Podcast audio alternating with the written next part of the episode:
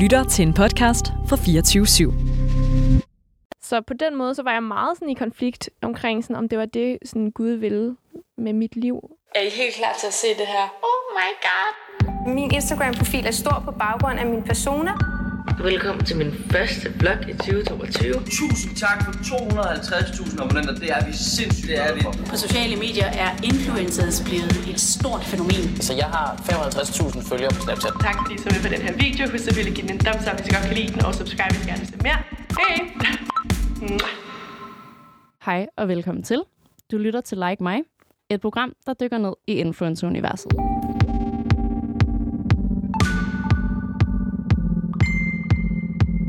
Mor til Baloo, Mikas kone, hus og have og 250.000 følgere på TikTok. Ikke nok med det, er hun naturligvis også at finde på YouTube og Instagram og har sit eget tøjmærke. Fra Solskinsøen til fastlandet er hun kommet for at blive. Det finder vi ud af i dag, når Jasmin Lind gæster. Hej Jasmin. Hej.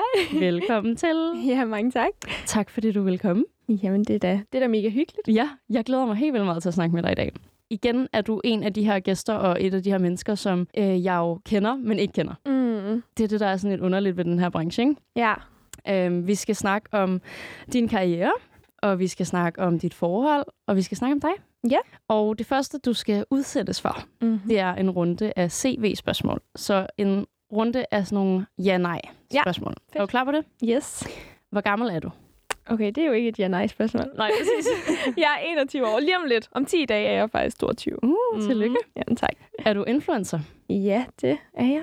Tjener du 1 million i 2022? Ja. Hvor ofte arbejder du i dit nattøj? Øhm, jamen, en gang hver tredje dag, måske. Er det sket, hvis det ikke er på Instagram? Ja. Hvornår slettede du sidst et opslag? Ej, det er seriøst flere år siden, tror jeg. Ja. Følger du mig? Ja. Følger jeg dig? Ja, det håber jeg. Ej, det tror jeg, du gør. Det tror jeg faktisk også, jeg gør. ja. Vi skal øh, finde ud af, hvad du laver, Mm-hmm. og hvad du arbejder med, til alle dem, der enten ikke kender dig, eller kender dig og er pisse nysgerrige på, hvad det egentlig går ud på.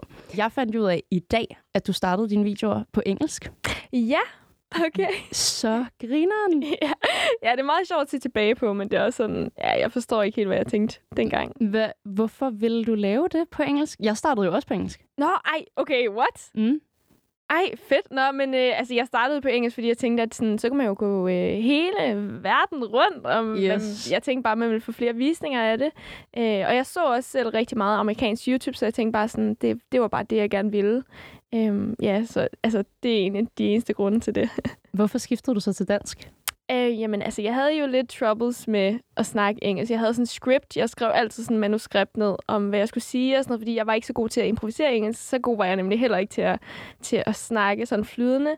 Øhm, så altså, det, grunden til, at jeg skiftede, var egentlig bare, at jeg tænkte, det ville være meget nemmere og meget mere chill. Og, og det gav jo også god mening i forhold til, at YouTube gerne må være sådan en ret øh, ja, gennemsigtig øh, platform, hvor man også bare er sig selv og sådan noget. Det følte jeg ikke rigtigt, jeg kunne være, hvis jeg skulle snakke engelsk. Følte du også, at YouTube dengang var en gennemsigtig platform? Sådan de YouTuber, du så, følte du også, at de var meget sådan ærlige?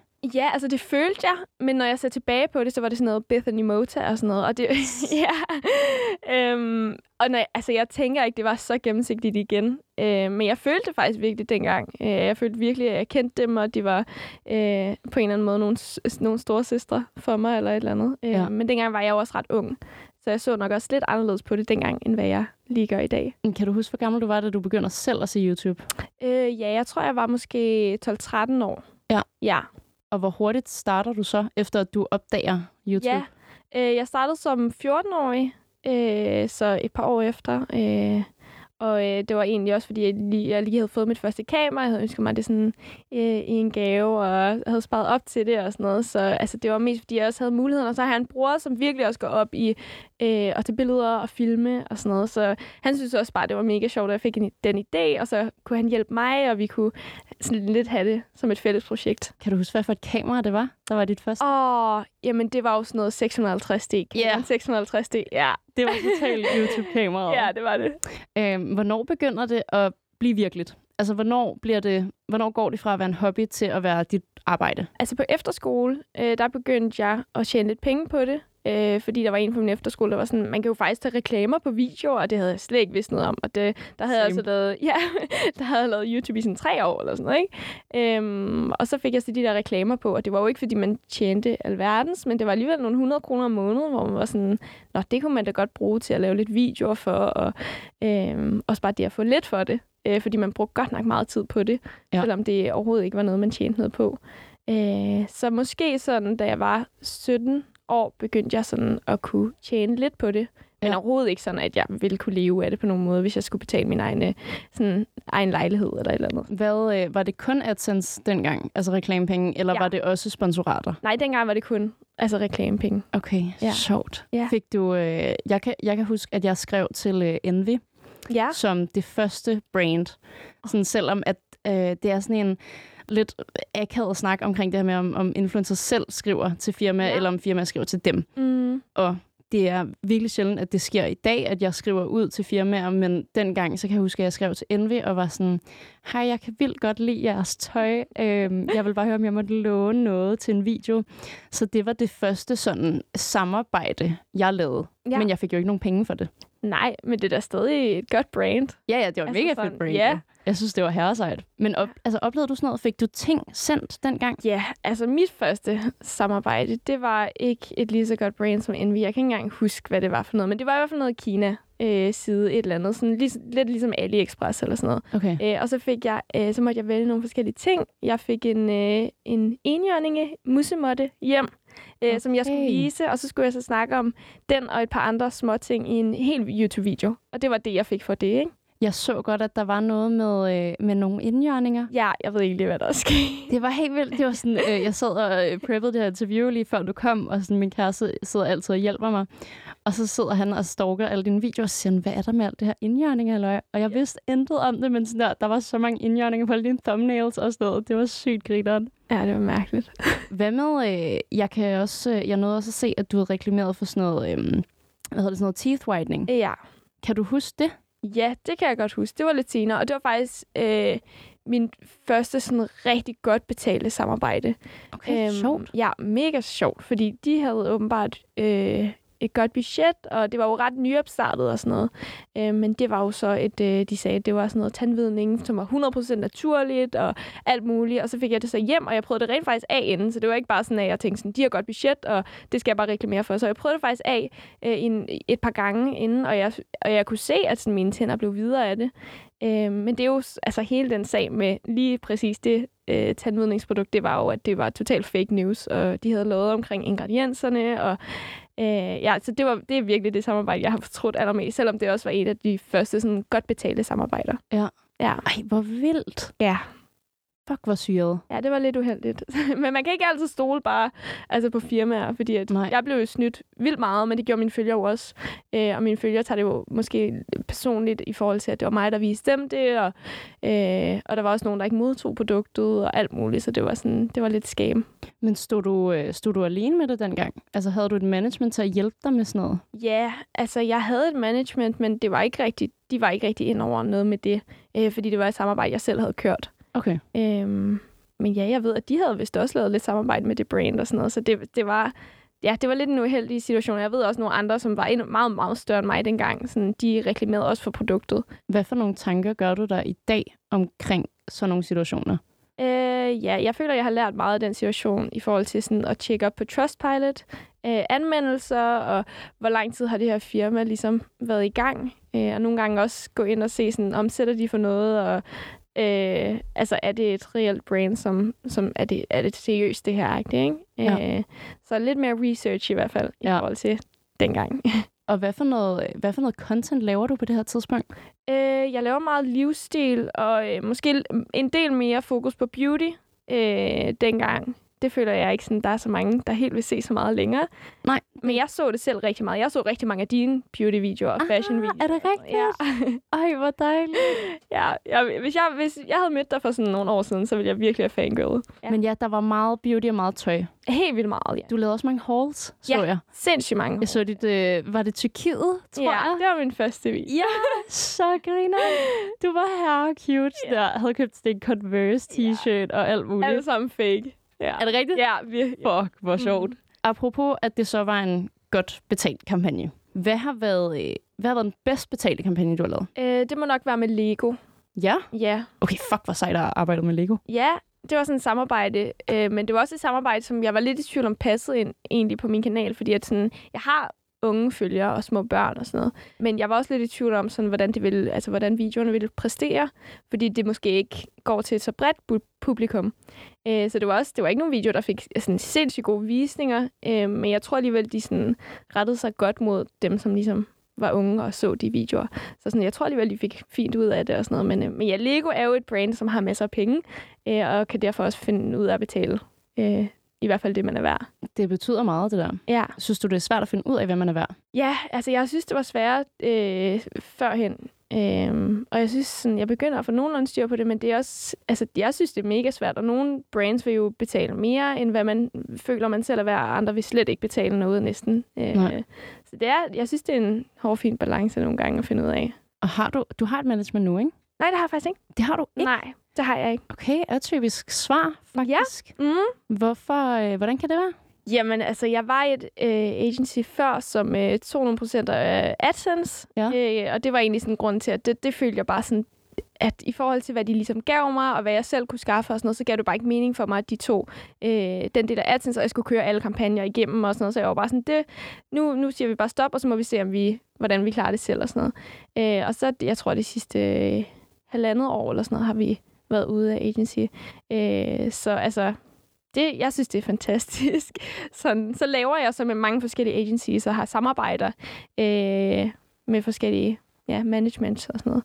Men øhm, jeg synes faktisk, det er virkelig rart ikke at sådan være tvunget til at køre det igennem et bestemt øh, management. Sluttede I af på god fod så? Ja, det er helt sikkert, og vi har lavet meget med dem siden. Så Fedt. det, ja. Hvor mange procenter tog de? Øhm, jeg ved ikke, om jeg må sige det. Vi behøver jo ikke at sige, hvem det er, men Nej, bare det er sådan, hvad, hvad er du vant til at få taget af procenter, når du arbejder altså med det, management? det er jo sådan noget alt mellem øh, 20 og 60 procent, kunne jeg forestille mig. Altså sådan, det kommer an på lige om det er en kampagne også. Altså de tog også øh, cuts af kampagner, så er det om, ja, om de er meget indover, eller om de måske ikke er så meget indover. Men jeg tror også sådan, det der med, at jeg ikke altid synes, det er så gennemsigtigt, øh, det synes jeg var sådan lidt nøjeren. Fordi jeg vidste ikke helt 100 procent, hvor meget øh, de to og sådan noget. Ja, hvor meget de egentlig fik. Ja, det er det. Dit samarbejde med Lego. Ja. Selvom at du blev øh, godt betalt, Mm. kostede det dig så meget? Fordi jeg ved, at for mig kan det være sådan rimelig hårdt at køre nogle store samarbejder Mm. i hvert fald. Hva, hvordan havde du det med det? Ja, altså jeg synes faktisk, det var meget sjovt, øh, og jeg fik lov til at være meget ind over det kreative. Øh, fordi at først, når de kom med idéerne og sådan noget, så var jeg meget sådan, det er altså ikke mig, og det passer altså virkelig ikke ind på min kanal. Så hvis vi skal gøre det her, så skal det være noget, der passer ind sådan nogenlunde. Øh, så jeg ændrede virkelig idéerne. Først så skulle jeg jo, øh, var ideen, at jeg skulle sidde og lege med Lego igennem hele videoen. Okay. Øh, mens jeg svarede på nogle spørgsmål. Og så endte det så med, at vi, altså sådan, at Legoet kunne stå i baggrunden, mens jeg snakkede om alt muligt andet. Så det var sådan, det var, øh, vi, vi kom lidt på et kompromis, fordi ellers så tænkte jeg slet ikke, at det ville give mening. Men jeg, altså jeg tror, aftalen var sådan fire YouTube-videoer. Det er jo faktisk rigtig meget, synes jeg. Øh, Ja, det er rigtig meget. Ja, øh, og så noget Instagram og noget story og sådan lidt forskelligt. Øh, men ja, ja, det krævede en del. Øh, men jeg synes egentlig faktisk, det var helt fint. Også fordi det var spredt over sådan måske et halvt år eller noget. Hvor lang tid siden er det? Øh, måske halvandet år siden eller sådan noget. Jeg vil også vildt gerne snakke med dig om du og din mand. Mm-hmm. I deler jo alt, føler I deler hund, I deler hjem, I deler arbejde. Har I nogen ansat til at hjælpe jer med alt det her? Ja, det har vi. Øhm, altså, for det første, så har vi editors, som øh, er ansat. Øh, så vi har faktisk tre forskellige, vi sådan bruger. Øh, jeg har en fast på min kanal, og så har vi en fast på Chatamika-kanalen. Og så har vi så en, som ja, ligesom er stand-in på begge kanaler. Øh, og det er sindssygt dejligt. Og så har jeg også øh, min svigerinde, altså Mikas søster, ansat til at øh, pakke pakker for mit tøjbrand. Og øh, ja, så vi har sådan lidt forskellige. Jeg tror ikke lige, vi har andre sådan lige ansat. På Har I rengøringsdame? Øh, nej, men det skal vi have. Er det rigtigt? ja, det bliver vi nødt til. Altså, vi, vi har snakket lidt med sådan, familie og sådan noget. Altså, Mikas mor er sådan, jeg kommer og gør rent for jer, og så, No. så kan jeg give en middag. Og sådan lidt. Ej, hvor cute. Ja, Det er også kæmpe jeres hus jo. ja det er I har lige fået hus, skal Ja. vi selvfølgelig lige sige.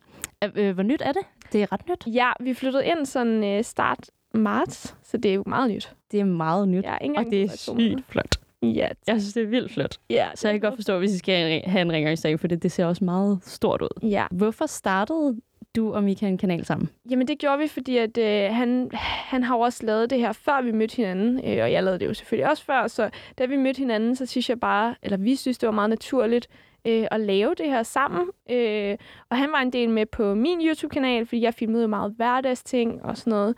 Øh, så automatisk var alle mine videoer næsten med ham. Øh, og folk var sådan, hvorfor laver I ikke en fælles kanal? Og vi tænkte også sådan, okay, måske det er heller ikke så fedt, at min kanal, som folk har fulgt med i, øh, at Mika ligesom er med i alle videoer. Så vi lavede faktisk en kanal og tænkte, at sådan, det bliver bare sådan en hyggekanal, og det er ikke nødvendigvis noget, der skal tage sindssygt meget tid. Øh, eller noget sådan. Det, vi var virkelig sådan, at det skal bare være sådan en side ting. Det skal virkelig bare være for hyggens skyld. Og er det stadig det? Nej, overhovedet ikke. Nej, vel? Altså, den har jo flere øh, abonnenter faktisk end min kanal.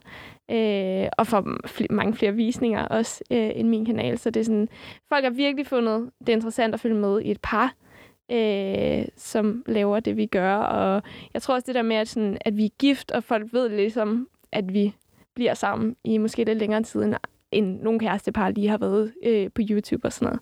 Det tror jeg folk synes er virkelig hyggeligt. Hvordan føles det, at det er større end din egen kanal? Jeg synes faktisk, det er fantastisk. Altså, okay. jeg, synes, jeg, jeg, sådan, ja, jeg synes, det er så dejligt. Jeg elsker også virkelig at lave videoer sammen med Mika. Øh, og have det sammen med en anden person, det synes jeg virkelig giver meget. Ja. Øh, at man har ja, flere idéer, og man kan hjælpe hinanden og sådan noget. Og jeg føler bare, det bliver mere underholdende, når man er os to sammen, i stedet for bare mig. Det forstår jeg godt. Mm. Tillykke med jer. Ja, Det er fandme fantastisk. Ja. Men ja, jeg kender det godt selv. Øh, Julie Hermann, Ja. som jo lavede, øh, hvad hedder det, Hot Beauty Stuff. Hun havde en øh, YouTube-kanal med en veninde, Mm. og hun sagde også, at det var jo bare nemmere Ja. at, at gøre noget med en anden. Og vi havde Anton Cornelius inde som gæst, som også har lavet Novo Plego med Albert Dyrlund. Og det er igen det der, der, der er noget i den her dynamik ved at være to. Helt sikkert. Også fordi, at det er et ret øh, ensomt job, tror jeg i hvert fald, der er mange, der øh, oplever. Øh, så det er, det er sgu rart nogle gange både at have en, der forstår det, men også at have en, man kan dele det med. Mm. Øhm, de her ansatte, det vil jeg gerne vide mere om. Ja. Jeg er ret nysgerrig på det. Mm. Også fordi jeg har selv overvejet at, sådan, øh, at ansætte nogen. Ja. Men jeg synes, det er både sådan en kæmpe... Jeg føler, det vil være sådan en kæmpe tillidserklæring at lade nogen redigere mine ting. Ja. Hvordan har du det med det? Ej, det var altså også mærkeligt i starten. Øh, jeg tror faktisk, det startede ud med, at øh, jeg skulle lave en kampagne for et eller andet øh, make-up brand, hvor de sagde, at de ville gerne redigere videoen.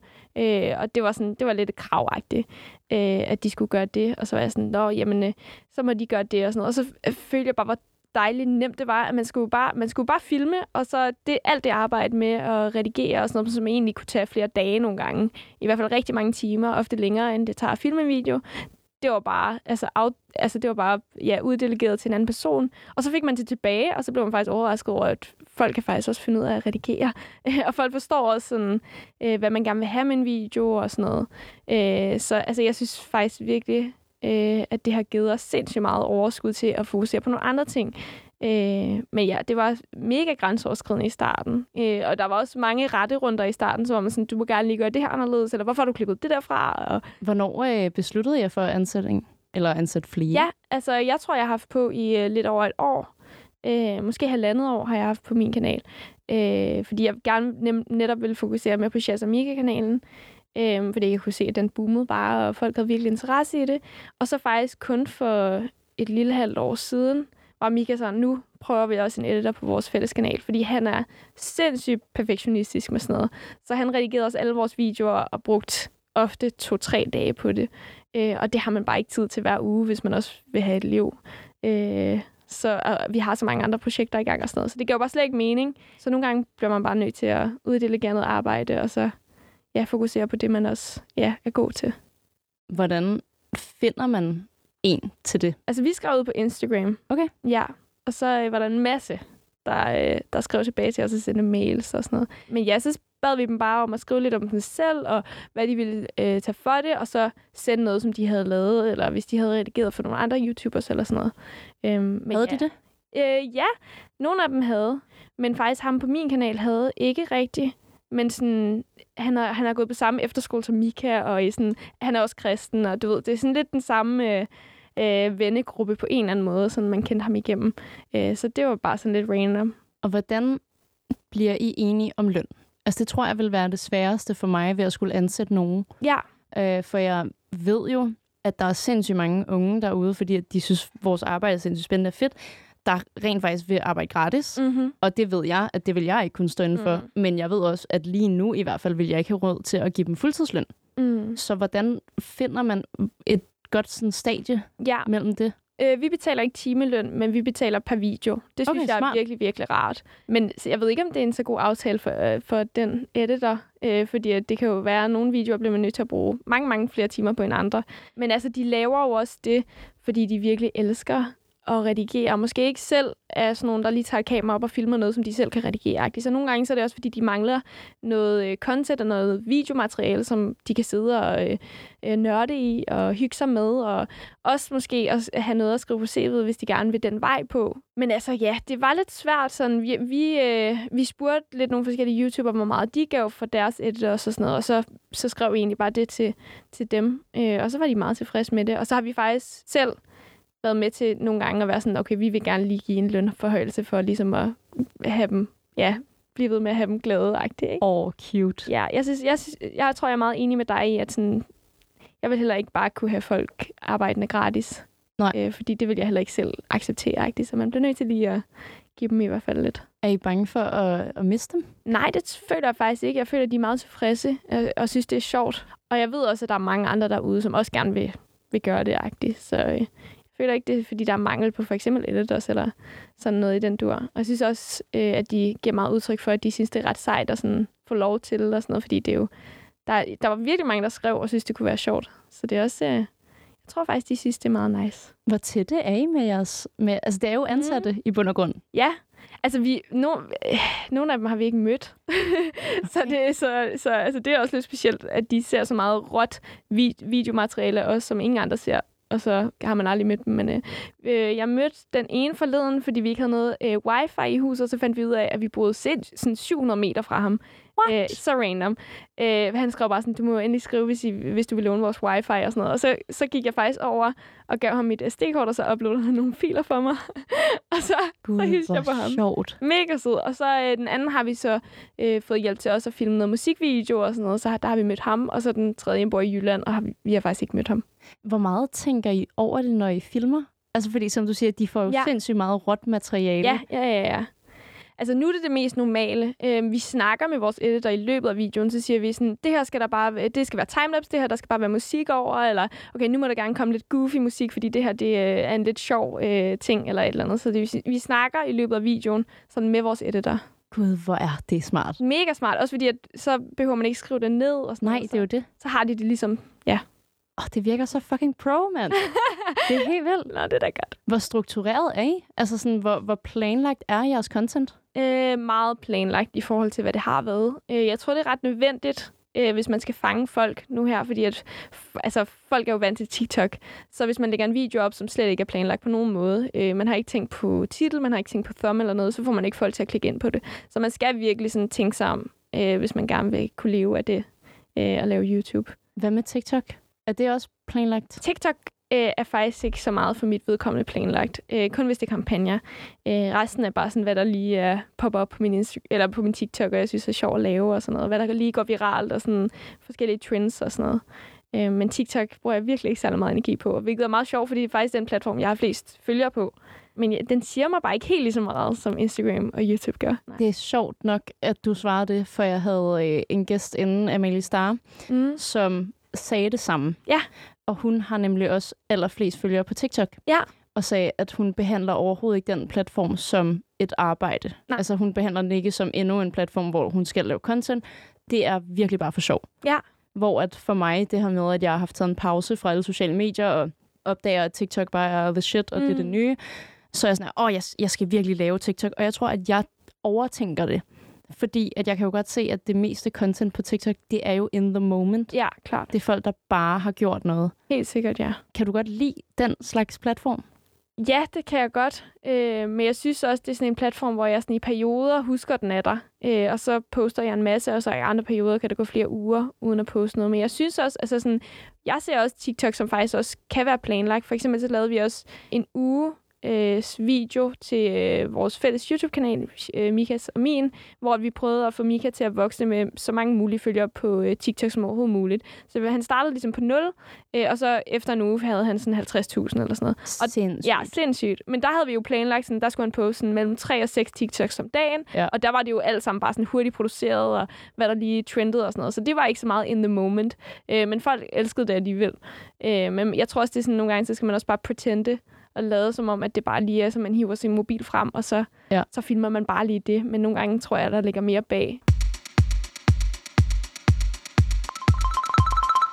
Hvor mange forskellige platforme laver du så content til, hvis vi lige skal prøve at sådan break it down? YouTube øh, er jeg på med to forskellige kanaler. Så har jeg Instagram, og så har jeg jo altså både en, kan- øh, en Instagram-profil til mig, og så har jeg også til min hund. så den skal også lige opdateres en gang imellem. Øh, og så har jeg så min TikTok-profil. Giver det noget at have en, øh, en Instagram-profil til sin hund? Øh, jeg ved ikke, har du det? Nej, jeg har Nej. nemlig ikke. Øh, altså, jeg kan huske lige, da han var øh, øh, valp og så videre, så fik han lidt gratis ting og sådan noget, men altså, det er ikke... Jeg har ikke lavet nogen samarbejder på hans profil, sådan, hvor der har været betaling i det og sådan noget. Gad du godt? Øh, ja, det skal ikke være for meget, synes jeg. Altså, det ville give mening, hvis det var sådan, at han fik noget legetøj, eller han fik noget god hundemad, eller et eller andet. Men altså, det er virkelig ikke sådan det, jeg vil fokusere på i hvert fald. Det er, det er virkelig sjov og ballade, og bare hvad der er cute at ligger op og sådan noget. Ja. Og jeg synes, det er... Øh, jeg gad virkelig godt at have en gæst herind, som lever af det. Ej, ja. Altså, jeg synes, det ville være så spændende, men jeg aner ikke, om der er nogen i Danmark, der lever af deres kæledørs platform på en eller anden måde. Nej, det ved jeg faktisk heller ikke. Jeg synes, det ville være mega interessant. Ja, Øh, du har jo så også mange firmaer, må du vel have? ja det har jeg. Du har dit eget. Ja, jeg har et holding, øh, så jeg kan eje sådan nogle procenter af et andet firma, så der skal man have en holding til. Så jeg har et holdingfirma for at kunne eje 50% af Shares Amiga APS. Gud, I har stiftet firma sammen. Ja, det har vi. Ja. Vildt. Ja, det er for at dele det lidt mere op, sådan, så man ved, hvor øh, indkomsterne kommer ind og udgifter og så videre. Bare sådan, det sagde vores revisor var en god idé. Så hvis noget gik konkurs, så vil det ikke påvirke det andet.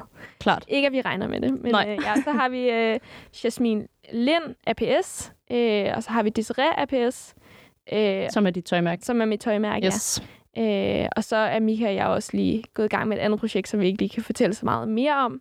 Øh, og Mika er faktisk også i gang med et andet, som han også har stiftet et selskab til. Så vi har sådan mange forskellige øh, projekter i gang, også ud over sådan øh, sociale medier. Altså, hvad kan det være ud af sociale medier? Er det sådan noget, I investerer i firmaer, eller hvad? Ja, øh, Produkter, altså ligesom tøj for eksempel. Så øh, ja, jeg ved ikke sådan, hvor meget Mika lige vil have, jeg skal sige. Nej, nej, nej, selvfølgelig. Det kan også være, at jeg skal have Mika her. Ja, Det ville ja. være sjovt. Har du haft styr på at betale skat og sådan noget? Øhm, ja, altså jeg har revisor på, så han står for alt. Okay. Øhm, ja, han hjælper seriøst med alt. Og jeg føler sådan, jeg begynder, altså jeg laver, jeg laver også løn til os, og sådan nogle af de der ting, og øh, holder styr på sådan kvitteringer, og hvad, hvad det hører ind under, om det er personale udgifter, eller om det er... Øh, jeg kan ikke engang huske de andre nu. Men i hvert fald holder styr på sådan noget af det. Men altså, der er jo noget, man bliver nødt til at få en øh, revisor til at stå for. Ja. Ellers har man ikke tid til at altså, arbejde. Jo. Nej, det er jo lidt det der med at uddelegere nogle opgaver. Ja, altså, det giver god mening nogle gange at få folk til at redigere eller lave ens regnskab Ja, eller et eller andet, ja, ja, så I ja. kan fokusere på det, I er bedst til. Ja. Så du har aldrig oplevet et eller andet kæmpe skattesmæk, fordi du har været idiot eller Jo, andet? lige da jeg fik revisor på, øh, så fik jeg at vide, jeg havde aldrig hørt det før, at man skal betale skat af de gaver, man får. Yes. Ja, øh, og den havde jeg ikke lige øh, hørt om før, fordi det, jeg føler ikke, det var en ting altså for to år siden. Øh, Det tror jeg sgu heller ikke, at det var. så jeg mødte ham, og så havde han lige øh, søgt op på det, og så sagde han, at du skal faktisk betale 20.000 kroner i skat. Au, au, au. Ja, og det var, altså dengang havde jeg ikke sådan lige 20.000 kroner til skat, øh, men det blev jeg jo nødt til at finde. Så, øh, så ja, jeg fik betalt skatten af der, øh, men altså, jeg føler ikke, det er en ting, at man snakker så meget om, eller sådan, jeg føler i hvert fald, det er en ting, der burde være mere tydelig, øh, også for mikroinfluencer og sådan noget, fordi man skal jo, som det ser ud lige nu, betale skat af de gaver, man får, hvis man bruger det privat i hvert fald, ikke? Øh, så altså det, ja, det har været lidt svært. Man skal lige holde tungen i munden, og måske ikke sige ja til alt for meget. Jeg tror altså også, at der er nogle firmaer, der har fået altså, der har oplevet noget lort ved, ja. At de har givet influencers ting, og de ikke har vidst det. Ja, det er rigtigt, ja. Så jeg tror altså også, det er meget af derfor, at der er kommet fokus på det, ikke? Helt sikkert. Men ja, det vil sgu nok være skønt for mikroinfluencers at få styr på det. Ja, det tænker jeg Der bestemt. burde være en eller anden mini-workshop for dem. Ja, En mini, en mikro-workshop. ja. Hvad får, du, øh, hvad får du så sponsoreret mest af, når nu du siger, at du får gaver eller ting sendt? Ja, altså rigtig meget øh, altså produkter, skønhedsprodukter, om det er makeup eller hudpleje, øh, hårprodukter. Øh, det får jeg sendt rigtig meget af. Øh, tøj får jeg også en del af. Øh, altså det er hovedsageligt det, så nogle gange får vi sådan lidt tech, sådan computer eller kamera eller sådan noget, men det, det er ikke så meget det, vi lige fokuserer på. Så det er meget produkter, skønhedsprodukter. Hvad er det for noget tech, I får? Det er jeg vildt misundelig på. Ja, altså sådan, øh, for et tidspunkt fik jeg faktisk en iPhone. ja, meget Vildt! Jeg ved ikke lige, hvad det var igennem, men et eller andet. Øh, og så øh, computer, øh, bare sådan, ja, ny bærbar eller sådan noget. Øh, så fik vi også lov til at låne sådan en Sony-kamera. Men vi er meget sådan, altså Mika går virkelig meget op i tech, og vi går meget op i sådan kvalitet også på videoer og lyd og sådan nogle ting. Det, det interesserer vi os også meget for. Okay, vildt nok. Altså ikke vildt, at øh, I gør det, for Nej. jeg kan godt se det. Ja. Men jeg er så lort til tech. Er det Altså, rigtigt? Jeg, jeg, altså, jeg står af på det. For mig har jeg altid haft det sådan, at jeg skal have et kamera, Mm. og det skal se flot ud, og jeg skal bare kunne trykke optag. Ja. Sådan ikke alt muligt med at justere i indstillingerne og sådan noget. Jeg kan det slet ikke. Ej, hvor sjovt. Men også det du har kan lavet du det godt. så lang tid. Altså. Ja, ja, helt vildt. Men du kan godt? ja, sagtens. Ja, Okay. det føler jeg i hvert fald. Har det altid været sådan? Øh, ja, altså det startede jo mest med, at jeg godt kunne lide at være bag kameraet faktisk. Sådan, jeg elsker sådan noget med kamera, og sådan, Mika og jeg har det er også sådan lidt som fælles interesse. Jeg synes, det har været sådan altid, fordi jeg, sådan, det har været interesse. Øh, og jeg tænkte også, at jeg skulle på filmskolen og sådan noget, så sådan meget bag ved kameraet har jeg faktisk tænkt ofte, at det skulle være, øh, hvis jeg skulle have noget uddannelse i hvert fald. Og du har ikke noget uddannelse? Nej, jeg har en HF, Okay, ja, så ikke noget videregående på nogen måde. Okay. Men det er mere end mig. Jeg har ikke engang en gymnasiel. Nej, nej, nej. Fik I, øh, fik I sponsoreret noget i forbindelse med jeres hus? Nej, for det sagde vores revisor, at det nok ikke lige kunne betale sig i forhold til skat og sådan noget. Så Okay. det gjorde vi faktisk ikke. Hvorfor kunne det ikke betale sig? Jamen, det er jo de der forskellige skatteregler. Men hvis man kun får, øh, for eksempel hvis vi får en ny sofa, vi havde faktisk overvejet at skrive øh, til Ilve og spørge, kunne I tænke jer? Øh, og jeg tror faktisk, måske vi endte med at gøre det. Men de sagde alligevel nej, så det var lige meget. Men øh, hvad hedder det? Øh, hvis man for eksempel fik en, en sofa til 40.000, og viste den måske bare lige øh, i, i en måned, eller noget, så skulle man lige lægge et par stories op og et post og sådan noget. Efter den måned var gået, så skulle man så betale skat øh, af, hvad det ville koste, eller hvad, det, hvad man ville kunne tjene på at sælge den sofa brugt, så måske ville man kunne sælge den for 25.000 eller 30.000, øh, fordi den kun var en måned gammel, og så skulle man så betale skat af det beløb. Øh, det er i hvert fald det, vores revisor sagde. Så altså på en eller anden måde, øh, så vil det altså, ikke rigtig kunne betale sig, hvis man både skulle lave reklamer, og man skulle også betale skat. Øh, og jeg tror endda også, det var bare den private skat, at man skulle betale der, men måske skulle man også betale noget virksomhedsskat. Øh, Puh, af den sofa. Så sådan, min, min revisor har bare været sådan, lad være med at få noget sponsoreret, hvis det kun er en sofa, I får. Det vil mere kunne sådan, hvis vi, hvis, hvis vi fik en sofa, og lad os sige 500.000 kroner eller sådan noget, som var sådan meget mere, man ved, at sådan, det var ikke på grund af sofaen, vi lavede det her, det var på grund af pengene. Klart. Øh, så, så vil det ikke være helt de samme skatteregler og sådan noget. Så øh, altid, hvis der er noget med hus, eller øh, få noget sponsoreret eller noget, så skal man altid lige have noget penge oveni, ellers kan det ikke rigtig betale sig. Det er godt, du har styr på det, Jasmin. Nu gider jeg heller ikke snakke mere om skat. Nu skal vi lære dig meget bedre at kende. Ja. Det virker seriøst som om, at du altid er glad. Er du det? Altså, jeg er meget glad. Øh, jeg tror, sådan, jeg er virkelig i glad stadie i mit liv. Sådan, jeg er virkelig et lykkeligt menneske. Jeg føler virkelig sådan, altså, det kører, og jeg er virkelig glad for, at sådan, for eksempel, at vi lige har købt hus, og at jeg også bare har fundet Mika i en så tidlig alder. Det gør mig virkelig, virkelig, virkelig glad. Øh, og jeg er meget taknemmelig for sådan det liv, jeg har. Åh, Ja. Ej, jeg bliver sådan helt glad af det, når du siger det. ja, selvfølgelig har jeg også dårlige dage. Men sådan, jeg, er, jeg føler, at jeg er glad, sådan dybt inde. Dejligt. Ja. Hvordan mødte dig og egentlig hinanden? Øh, jamen, det var på nogle optagelser øh, med Faxi Kondi, faktisk. Øh, Nej, hvor ja. sjovt. Vi skulle slå nogle rekorder og sådan noget. Øh, vi var i samme management dengang. Og så, Var det display? ja, det var Splay. Ja, for Ja. jeg føler, de lavede noget med noget rekord Ja, og faxe. rekordhjerne. Ja, det ringer Ja. en klokke. Ja, præcis. Øh, så der mødte vi hinanden, og så klikkede vi bare sindssygt godt. Øh, og jeg, var jo, jeg boede på Bornholm, og Mika boede i Køge dengang. Så det var... Øh, ja, kommer du også? Øh, ja, Ja. kind of kommer fra Køge. Ja. Anede ikke, at Mika kom derfra. Nej, jamen det gør han. Han er Ej, hvor ja. sjovt. Jeg skal endnu mere snakke Ja. om. Ja, så det var sådan lige at planlægge, når man skulle mødes, fordi jeg jo kom fra Bornholm. Øh, men så mødtes vi så sådan halvanden til to uger efter, sådan på en date og sad i Kongens Have og snakkede og sådan noget. Og så øh, endte vi også med at være sammen i flere dage derfra. Ikke? Så sådan, ja, vi lærte bare virkelig hinanden at kende sådan meget hurtigt, øh, fordi det var så intenst, og man sådan mødtes ikke få gange om ugen, eller bare lige hurtigt, men det var sådan, man, man var intens sammen i flere dage i streg. Øh, ja, vi var meget ærlige over for hinanden omkring det hele, og vi øh, havde mange ting til fælles. Altså sådan, vi havde selvfølgelig YouTube, vi har tro. Sådan, det var mange fundamentale ting, som vi ligesom havde til fælles, øh, som gjorde, at vi også bondede rigtig meget, så humormæssigt. Så det gik meget hurtigt derfra, så blev vi så kærester, og ja, han mødte min familie, og jeg mødte hans, og så allerede, ja, måske, jeg tror, var det ni måneder efter, at vi blev forlovet efter vi mødte hinanden eller sådan noget. Og så blev vi så gift et og tre måneder efter, vi havde mødt hinanden. Så det, det gik jo meget hurtigt, det hele. Øh, men vi var virkelig sikre på hinanden, og det var meget dejligt, fordi vi var meget enige sådan, begge veje, at vi var bare 100% i det. Øh, og vi kunne virkelig, virkelig, virkelig godt lide hinanden. Så det er dejligt, at det ikke bare var den ene vej, må man sige. Snakkede I om ægteskab, altså inden at... Var, var det Mika, der friede? Ja, det var Mika, der friede. Okay. Men vi havde allerede aftalt, hvornår vi skulle gifte, så jeg ventede lidt på den. Er det rigtigt? Ja. Hvorfor, hvordan aftaler man det? Ja, altså vi ville gerne giftes, før vi flyttede sammen. Øh, og jeg var færdig på HF den sommer, så det ville bare give rigtig god mening for mig at flytte ud, og jeg ville gerne til København. Øh, og så havde vi bare snakket om, at det kunne være rart at flytte sammen. Øh, og så var vi også bare sikre på hinanden, så det ville altså heller ikke nødvendigvis give mening, og vi ville gerne have et sommerbryllup. Så enten skulle det være den sommer, eller skulle vi vente et år. Og så var man sådan, hvis man alligevel vidste det, så kunne man lige så godt bare blive gift og flytte sammen og starte livet allerede der. Så det er jeg virkelig glad for. Og så kom corona året efter, så jeg er virkelig glad for, at, oh, ja. at vi blev gift der. Så havde I hinanden under corona. Ja, det er det. Havde det også noget med jeres tro at gøre? Fordi at jeg kunne forestille mig, at der er mange, som måske, lad os bare sige, helt øh, øh kontrast af ateister. Mm. Altså sådan, at de ikke nødvendigvis hverken vil planlægge et bryllup, eller vil tænke over, at de vil giftes, før de flytter sammen eller noget. Så havde det noget med jeres tro at gøre? Ja, 100 procent. Okay. Ja, altså det var 100% derfor sådan, både familie og sådan noget, øh, tænkte også, det var en god idé øh, at blive gift, før man flyttede sammen, men også bare sådan, det, det var også det, det vi troede på, øh, og også det, vi gerne ville, og altid havde forestillet os, at, det, at hvis man skulle flytte sammen og bo sammen og sådan noget, så, så ville man gerne være gift før. Øh, altså, jeg har mange veninder, som ikke, altså selv, også er kristne, som bor sammen med deres kærester før og sådan noget, så det er slet ikke nødvendigvis på den måde, man skal gøre som kristen, øh, men det var bare meget det, sådan, at vi havde tænkt øh, for vores sådan liv.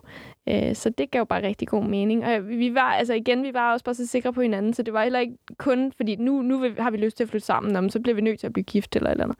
Øh, vi var også bare der, hvor vi tænkte, det kunne faktisk være rigtig dejligt bare at, ja, på en eller anden måde bare være sådan, vi har hinanden resten af livet, og vi, vi er låst sammen som par. Ja, og det var vi bare klar til. Det er meget beundringsværdigt. Ja. Det er øh, efterhånden, hvis det skal være sådan lidt tavligt over for den kultur, vi har, så er det meget atypisk at være mm. så sikker, ja. føler jeg. Ja, der er meget sådan en tendens til, at græsset er grønnere på den anden side. Helt sikkert. Og at man ikke nødvendigvis tør at slå sig ned. Mm. Øhm, men okay, det var kristen. Ja. For jeg skulle lige være helt 100. Ja. Men du sagde godt, at nogle af dine venner også er kristne og sådan noget. Ja. Er din religion nogensinde i konflikt med dit arbejde? Jeg kunne mærke det mere, da jeg var yngre, fordi jeg var virkelig i tvivl om, sådan, om det var det, Gud ville for mig. Fordi jeg var virkelig sådan, okay, det er faktisk... Et, altså, hvis man kigger på det udefra, så er det jo bare mig, der er i fokus. Øh, og det er mig, sådan, jeg bare prøver at få ud. Og det er ikke så typisk kristen, vel? Nej, Nej. det er det jo ikke. Altså sådan, øh, men altså, det er heller ikke, fordi jeg tænker sådan, at det ikke er så kristen, men, men det er meget sådan, det, der, det er jo lidt egoistisk på en eller anden måde, hvis man ser på det sådan udefra. Ikke at jeg vil sige, at jeg er egoist eller noget, men sådan, det er jo bare kun mig, der er i fokus på mine sociale medier, og prøver at se godt ud, og prøver at få folk sådan interesseret i ens liv og sådan noget. Så på den måde, så var jeg meget sådan i konflikt omkring, sådan, om det var det, sådan Gud ville med mit liv, øh, eller om han egentlig overhovedet ikke kunne lide det. Så sådan, da jeg var yngre, måske sådan, da jeg var øh, 16, 17, 18 år, så nogle gange så græd jeg og var sådan, altså sådan bad og var sådan, er det her det, jeg skal agtigt og sådan. Øh, jeg har prøvet meget sådan, ja, at have min tro med i det hele og sådan noget. Og jeg føler, at jeg faldet meget mere til ro, sådan også efter at have mødt Mika, og vi ligesom også er sammen om det. Øh, og vi også, altså bare det der med også at have sin tro med i det, og egentlig godt kunne være åben omkring det, det betyder rigtig meget for mig, fordi jeg sådan, i starten kunne jeg godt mærke, at sådan, det var meget grænseoverskridende at skulle snakke øh, om. Øh, fordi det er måske ikke alle, der kan relatere til det overhovedet, eller tror på det, og det er jo også helt fair. Øh, men hvis jeg skulle blive ved med at lave det her, så, så er det også bare en del af mig, øh, og det må folk bare tage med på en eller anden måde. Hvad betyder det for dig at være kristen? Jamen altså, det er jo på en eller anden måde et kæmpe håb, og øh, øh, om, at der er noget efter det her liv. Så det er jo sådan det, man også ser lidt hen mod, og man ikke bare tænker sådan, okay, det er kun det her liv, vi har, og så er det bare slut. Så det er sådan meget øh, fundamentalt i forhold til, at man, øh, man prøver at sådan have Gud med ens hverdag, og prøver sådan lidt øh, at bede ind over ens liv, og være taknemmelig over for, at sådan, han sørger for en. Og sådan, ja, vi prøver også meget at ja, være sådan, det er ikke, det er ikke kun os, øh, der har gjort, at vi er her, hvor vi står i dag, og vi klarer os så godt, også økonomisk og sådan noget. Men det er også, fordi vi har Gud med, og han ønsker os godt, øh, og har ham med i det hele. Det betyder virkelig, virkelig, virkelig meget for Mika og jeg. Har han altid været religiøs? Ja, han okay. har, han er, vi er begge to opvokset i kristne familier. Okay. Ja. Beder du til Gud? Ja. Ja. Vi beder os sammen, og vi går også i kirke og alle de der Ej, typiske kristne ting. ja, det er meget nice, og det er ikke så stift, som man går og tror, det er. Altså sådan, I vores kirke, så er der band, og altså, det er næsten en koncert hver gang, føler man. Sådan, det er Ej, virkelig nice. skønt. Ja, virkelig hyggeligt. Så I gør det hver søndag, eller hvad? Æ, ikke helt, øhm, fordi arbejde, det er også det, altså arbejde fylder rigtig meget for os. Øhm, så nogle gange så bliver det også mindre, end hvad vi egentlig gerne vil, at vores tro ligesom kommer til at fylde. Øhm, men jeg føler også bare, når man, jeg føler bare, at vi har troen så meget i vores krop og i os selv, at sådan, det er ikke nødvendigvis vores handlinger, som sådan skal afgøre, om man er en kristen eller ej, men det er også bare det, om- man tror på det eller ej. Sådan. Ved ikke noget. Altså jo, jeg kender jo sikkert nogen, der er kristne, men ikke nogen, der snakker om det. Nej, det er rigtigt. Så på den måde synes jeg faktisk, at det er ret skønt, at du og I snakker åbent om det, når nu I også er offentlige ansigter. Ikke? Mm. Hvad, hvad tror du, Gud er? Åh, oh, ej, det er svært, var. øhm, Fordi altså, der har jo virkelig været meget med sådan noget, God is a woman. Ja, Altså- ja, ja. Altså, jeg tror, at Gud... Jeg føler ikke nødvendigvis, at jeg vil sætte køn på ham overhovedet. Eller på ham. Nu siger jeg ham, ikke? Så øh, ja, jeg ser ham nok som en ham. Fordi Okay. vi, der står mange sådan faderen og sådan nogle ting i Bibelen. Men jeg tror ikke nødvendigvis, at jeg som sådan vil sige, at det enten er en kvinde eller en mand eller et eller andet. Sådan. Det tror jeg kunne være begge dele. Øh, men jeg ser ham meget som en ham. Ja, må jeg sige. Jeg ser øh, Gud som skaberen. Jeg, jeg tror, at øh, Gud har skabt øh, verden øh, og jorden, som der også står i Bibelen. Og jeg tror, jeg tror basically på det, der står i Bibelen om Gud. Men det er jo ikke fordi, at, sådan, at jeg kender som sådan Gud, fordi jeg har jo ikke, jeg føler ikke, altså jeg har jo ikke mødt ham, eller hvad man siger. Det er jo noget, jeg tror på. Øh, så altså sådan, men Gud er jo tre forskellige parter. Øh, Gud, der skabte, øh, og så er der Helligånden, som er sådan en på en eller anden måde en ånd, øh, og øh, så er der Jesus, som man, vi tror på, øh, har gået på jorden og døde for vores sønner og steg op til himlen for at frelse os og give os en ekstra chance, efter Adam og Eva spiste æblet helt tilbage i... Øh, men det lyder jo meget senere, det er jo sådan noget religionsundervisning øh, og sådan noget, men altså Gud er så meget mere end det for os.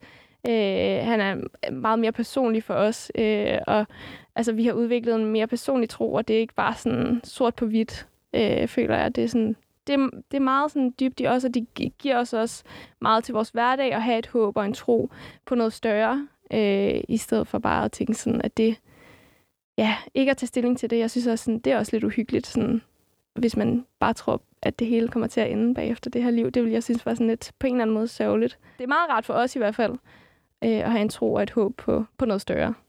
Er, er du eller I bange for døden? Ja, det vil jeg faktisk sige, at jeg er.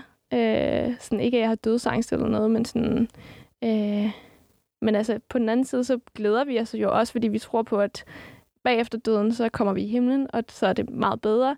Men på den anden side, så tror jeg bare, det ligger meget menneskeligt til en, at sådan, man er bange for døden. Fordi at sådan, hvad nu, hvis det ikke er 100% sådan, som man havde... Eller hvad tænk, hvis man ikke kommer i himlen, eller et eller andet jagtigt, ikke? Jeg tror, at øh, jeg har erfaret mest, at der er mange, der er ret ligeglade med det. Mm.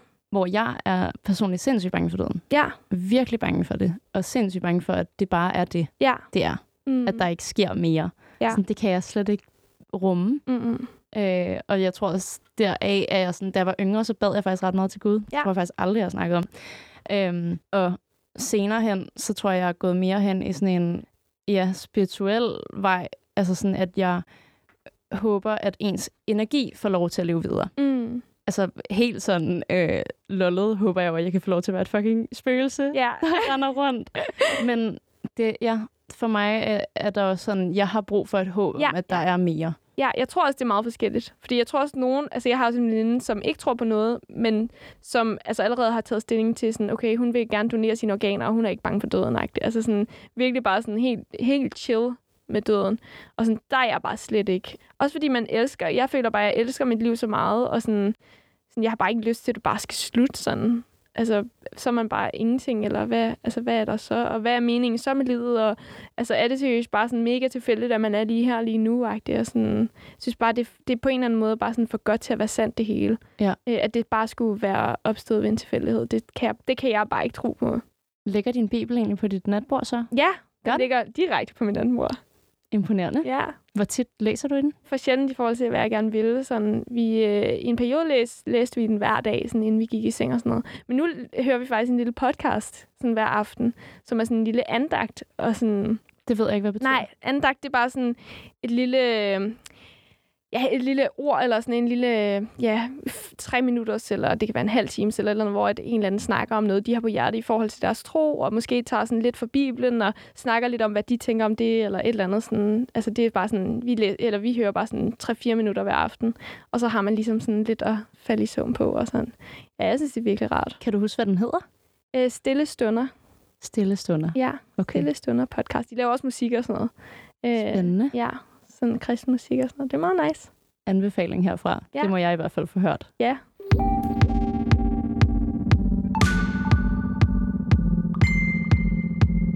Jeg føler jo, at jeg har, som altid med alle mine gæster, har jeg alt for meget snak med dig og med mine gæster om. Øh, og vi har ikke mega meget tid tilbage, men jeg vil gerne snakke med dig om, at jeg blev mærke i i dag, da jeg øh, stalkede dig, mm. at du i mange af dine videoer siger, at du er hos din foster family mm. eller din plejefamilie. Så vil du prøve at sætte mig og lytterne ind i din familiesituation? Ja, helt sikkert. Øh, altså, øh, først og fremmest så øh, var min far, blev min far syg, da jeg var i min mors mave med kræft. Øh, så han døde faktisk øh, 16 dage efter jeg blev født. Så jeg har aldrig kendt min biologiske far. Wow. Øh, og det var virkelig selvfølgelig hårdt for min mor. Øh, og jeg har også en storebror, som hun også skulle tage sig af og øh, finde ud af, hvor hun skulle bo. Og hun flyttede så tilbage til hendes familie på Bornholm, i stedet for at bo i København. Øh, og ja, altså jeg tror bare virkelig, det har taget hårdt på min mor. Øh, og miste selvfølgelig sin mand. Og der var også alle mulige ting med sådan, hans familie. Øh, hans familie var meget sådan for Libanon. Øh, no, nogle af dem boede der stadig, og andre var flyttet til Danmark. Og sådan. Men ja, det var, det var også en meget speciel situation. Hun, havde, hun har og har, altså, havde heller ikke den bedste relation til dem. Øh, så det var meget sådan, hårdt for hende at gå igennem det. Øh, og sådan, hvor, ja, ja, ja, ja, jeg skal ikke komme for meget ind på det. Nå, men i hvert fald, så, da jeg var 8 år, så gik min mor sådan øh, ned. Hun fik konstateret øh, maniodepressiv, øh, og vi øh, kom i plejefamilie. Øh, både min bror og jeg, og han havde været i aflastning faktisk hos den plejefamilie, så han kendte dem godt lidt. Øhm, og øh, da vi kom derhen, så var jeg bare sådan, det forstår jeg slet ikke, for jeg var 8 år, og jeg tænkte bare, at min mor var den allerbedste mor. Øh, hun gav mig bare alt i verden, hvad jeg havde brug for. Jeg havde det godt, men jeg vidste så ikke på det tidspunkt, at min mor så ikke havde det godt, fordi at det var hun rigtig god til at gemme væk. Så øh, ja, der var 8 år, frem til jeg faktisk var 19 år og flyttede hjemmefra, så boede jeg hos min plejefamilie. Og de første år var det virkelig ikke sjovt. Sådan, jeg kunne slet ikke acceptere det. Øh, Jeg tror lidt, jeg havde sådan en idé om, at jeg skulle hjem til min mor bo, øh, når det blev en mulighed. Så jeg gav øh, ikke mine øh, plejeforældre en chance sådan i starten. Der var jeg bare sådan, der følte jeg bare, at det var dem, der havde taget mig væk fra min mor. Så jeg, jeg, jeg, kunne, slet, jeg kunne slet ikke overskue det i starten, må jeg sige. Så fik jeg faktisk en spiseforstyrrelse, der var 13-14 år. Og det ændrede et eller andet i mig, da jeg kom ud af det. Og jeg så på livet på en helt anden måde. Og jeg, altså min plejefar og min plejemor havde også været der sådan igennem det hele. Og jeg tror bare, jeg sådan så på en anden måde deres kærlighed til mig, og så virkelig, at sådan, de ønskede virkelig at være sådan forældre for mig, og elskede mig virkelig. Og så endte jeg med at få det rigtig godt med dem øh, de sidste år, inden jeg flyttede hjemmefra. Nu har jeg det virkelig godt, både med min mor og med min plejefamilie. Dejligt. Lykkelig slutning. Tak fordi du vil åbne op. ja, selvfølgelig. Vild historie. Mm, Wow. Og det er dit liv. ja. Du fik spiseforstyrrelse, ja. Ja. Det så jeg godt, at Ja. du snakkede om på din YouTube-kanal i den serie, der hed Popcorn-tid. Ja. Var det det, den hed? Ja. ja. Vildt cute. Ja, jeg tænkte bare, lad, lad os lave en serie ud af det. Jeg synes, det er ret, jeg ved ikke, hvad jeg skal kalde, øh, overlænt, at du har kunnet rumme og, og dele det. Mm hvad har det givet af, af gode ting for dig at dele det på sociale medier og snakke om de her ting? Ja, altså jeg tror, sådan, som person er jeg ikke, så jeg holder ikke så meget inde af mine følelser, når jeg er over det. Men altså, jeg synes virkelig, det gjorde meget i forhold til at komme videre. Og så kunne jeg bare mærke, hvor sindssygt meget det gjorde for folk, som stod enten øh, i en spiseforstyrrelse, eller var på vej ind i det, eller havde været i det. Øh, og måske også bare søskende, som havde en søster eller en bror, som var spiseforstyrret, eller forældre. Og, altså, jeg har fået så mange beskeder og kommentarer i forhold til det. Øh, og jeg føler heller ikke, der er så mange, som har åbnet op om det på den måde, som jeg har gjort i Danmark i hvert fald øh, på YouTube. Så jeg tror virkelig, at, sådan, at følelsen af at kunne gøre en forskel i forhold til det, det, er sådan, det gav bare så god mening for mig øh, at gøre. Øh, og så følte jeg også, at der var på en eller anden måde en grund til, at jeg skulle have været igennem det. Så ja, jeg synes faktisk, det var, det var ikke, det, jeg synes ikke, det var, det er ikke så hårdt at snakke om for mig. Nej. Fordi det er et afsluttet kapitel. Men det var en forfærdelig, altså sådan, jeg var jo, jeg synes, livet var forfærdeligt, sådan der var i det selvfølgelig. Øh, Hvor længe havde du en spiseforstyrrelse, hvis Ja. man kan sige det? Ja, det er selvfølgelig sådan, man kan ikke sætte en dato på. Øh, men altså, jeg Nej. Tror sådan i små to år, sådan halvandet til to år, det er jo egentlig ret kort tid øh, i forhold til, nogen kæmper med det hele deres liv. Ja. Øh, så jeg var meget øh, heldig, eller hvad man kan sige det. Det er ikke noget, jeg har kæmpet med i mega lang tid, men jeg var alligevel ret langt nede, og jeg havde også, altså sådan, jeg øh, havde også selv, eller jeg tog, ja, skar mig selv og sådan nogle ting, og kastede op og sådan. Jeg følte også, at jeg var ret langt ude, og sådan, jeg havde også bare lyst til i perioder sådan bare øh, hoppe ud af et vindue -agtigt. Altså sådan, så, så sådan, på den måde var jeg ret langt ude, men heldigvis så er det også noget, jeg er kommet godt ud af nu. Er det noget, du kan mærke nogle gange i dag? På en eller anden måde? Øh, altså, jeg føler sådan, jeg har en viden fra dengang. Jeg studerede så meget i sådan kalorier og hvad der er godt for kroppen og sådan noget. Øh, ikke at jeg gør alt, hvad der er godt for min krop i dag, men sådan, jeg har meget sådan forstand på, hvor mange kalorier der er i mad og sådan noget. Øh, og det er selvfølgelig svært at slette for ens hukommelse. Men jeg tror bare, jeg vender det til, at sådan, jeg skal bare være sikker på, at jeg får nok kalorier. Så nu hvor jeg har den viden, og jeg føler sådan, jeg er blevet, ja, jeg, jeg er ikke rigtig bange for overhovedet på nogen måde at komme tilbage i det, fordi jeg, sådan, jeg, jeg er meget bevidst om, at sådan, hvis, hvis der er no- nogle tegn, der går i den retning, så har jeg både Mika, og jeg har forhåbentlig også mig selv til at stoppe mig, før det ligesom går galt. Hvad vil du sige, man skulle gøre, hvis der er nogen, der sidder derude og har det sådan her? Eller oplever det? Altså, altid vil jeg sige at sådan, snakke med nogen om det. Øh, måske også for eksempel en psykolog eller psykiater eller en eller anden, som også kan rent faktisk hjælpe dig videre i systemet. Øh, om det er noget medicin, man skal have, fordi man egentlig bare også er, at der er noget øh, dybere i en, deprimeret eller et eller andet. Øh, eller om det er, fordi man har brug for at snakke nogle ting ud. Altså, ofte ligger det jo dybere øh, i en, og der er nogle ting, man har brug for ligesom at få snakket igennem for at komme overhovedet videre øh, og få noget sådan mere fysisk hjælp. Øh, men ja, helt klart, altså sådan, jeg føler i hvert fald, at de fleste har brug for noget hjælp, øh, og det ikke er noget, man selv vil bare kunne komme ud af på den måde. Men du har det godt i dag. Det har jeg. Ja. Det er jeg fandme glad for at høre.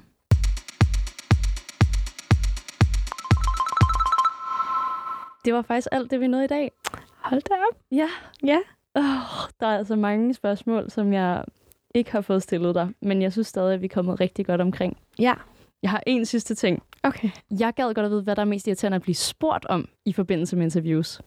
Altså, hmm, ej, det ved jeg faktisk ikke. Måske nogle gange, sådan, hvis det er sådan et eller andet med økonomi. Fordi altså, jeg synes sagtens, man kan være gennemsigtig omkring det. Øh, og jeg synes også, du har gjort det på en helt fin måde. Yes, men sådan, øh, men altså, nogle gange, sådan, når de spørger direkte et eller andet, sådan, hvor meget tager du for det der, eller et eller andet. Sådan, voksne forstår nogle gange ikke helt, at det er et arbejde, og folk kan tænke sådan, hvordan kan hun få så meget for et Instagram-post? Det, det er jo ingenting og sådan noget. Men det er jo Ja, så nogle gange sådan, det der med økonomien og sådan noget, kan godt være lidt, lidt svært at blive spurgt om nogle gange. Sådan, hvor meget skal man sige, og hvad kommer folk til at tænke og sådan noget. Jeg er glad for, at, at jeg kom igennem det ja. på en nogenlunde måde. Så fint. Tusind tak, fordi du har lyst til at være med. Og øh, tak til dig, der lyttede med. Hvis du sidder derude og har et forslag til en, du gerne vil have, og invitere i studiet, så skriv til mig på Instagram. Jeg hedder Astrid Ærø derpå. Ha' det godt, til vi lyttes ved igen.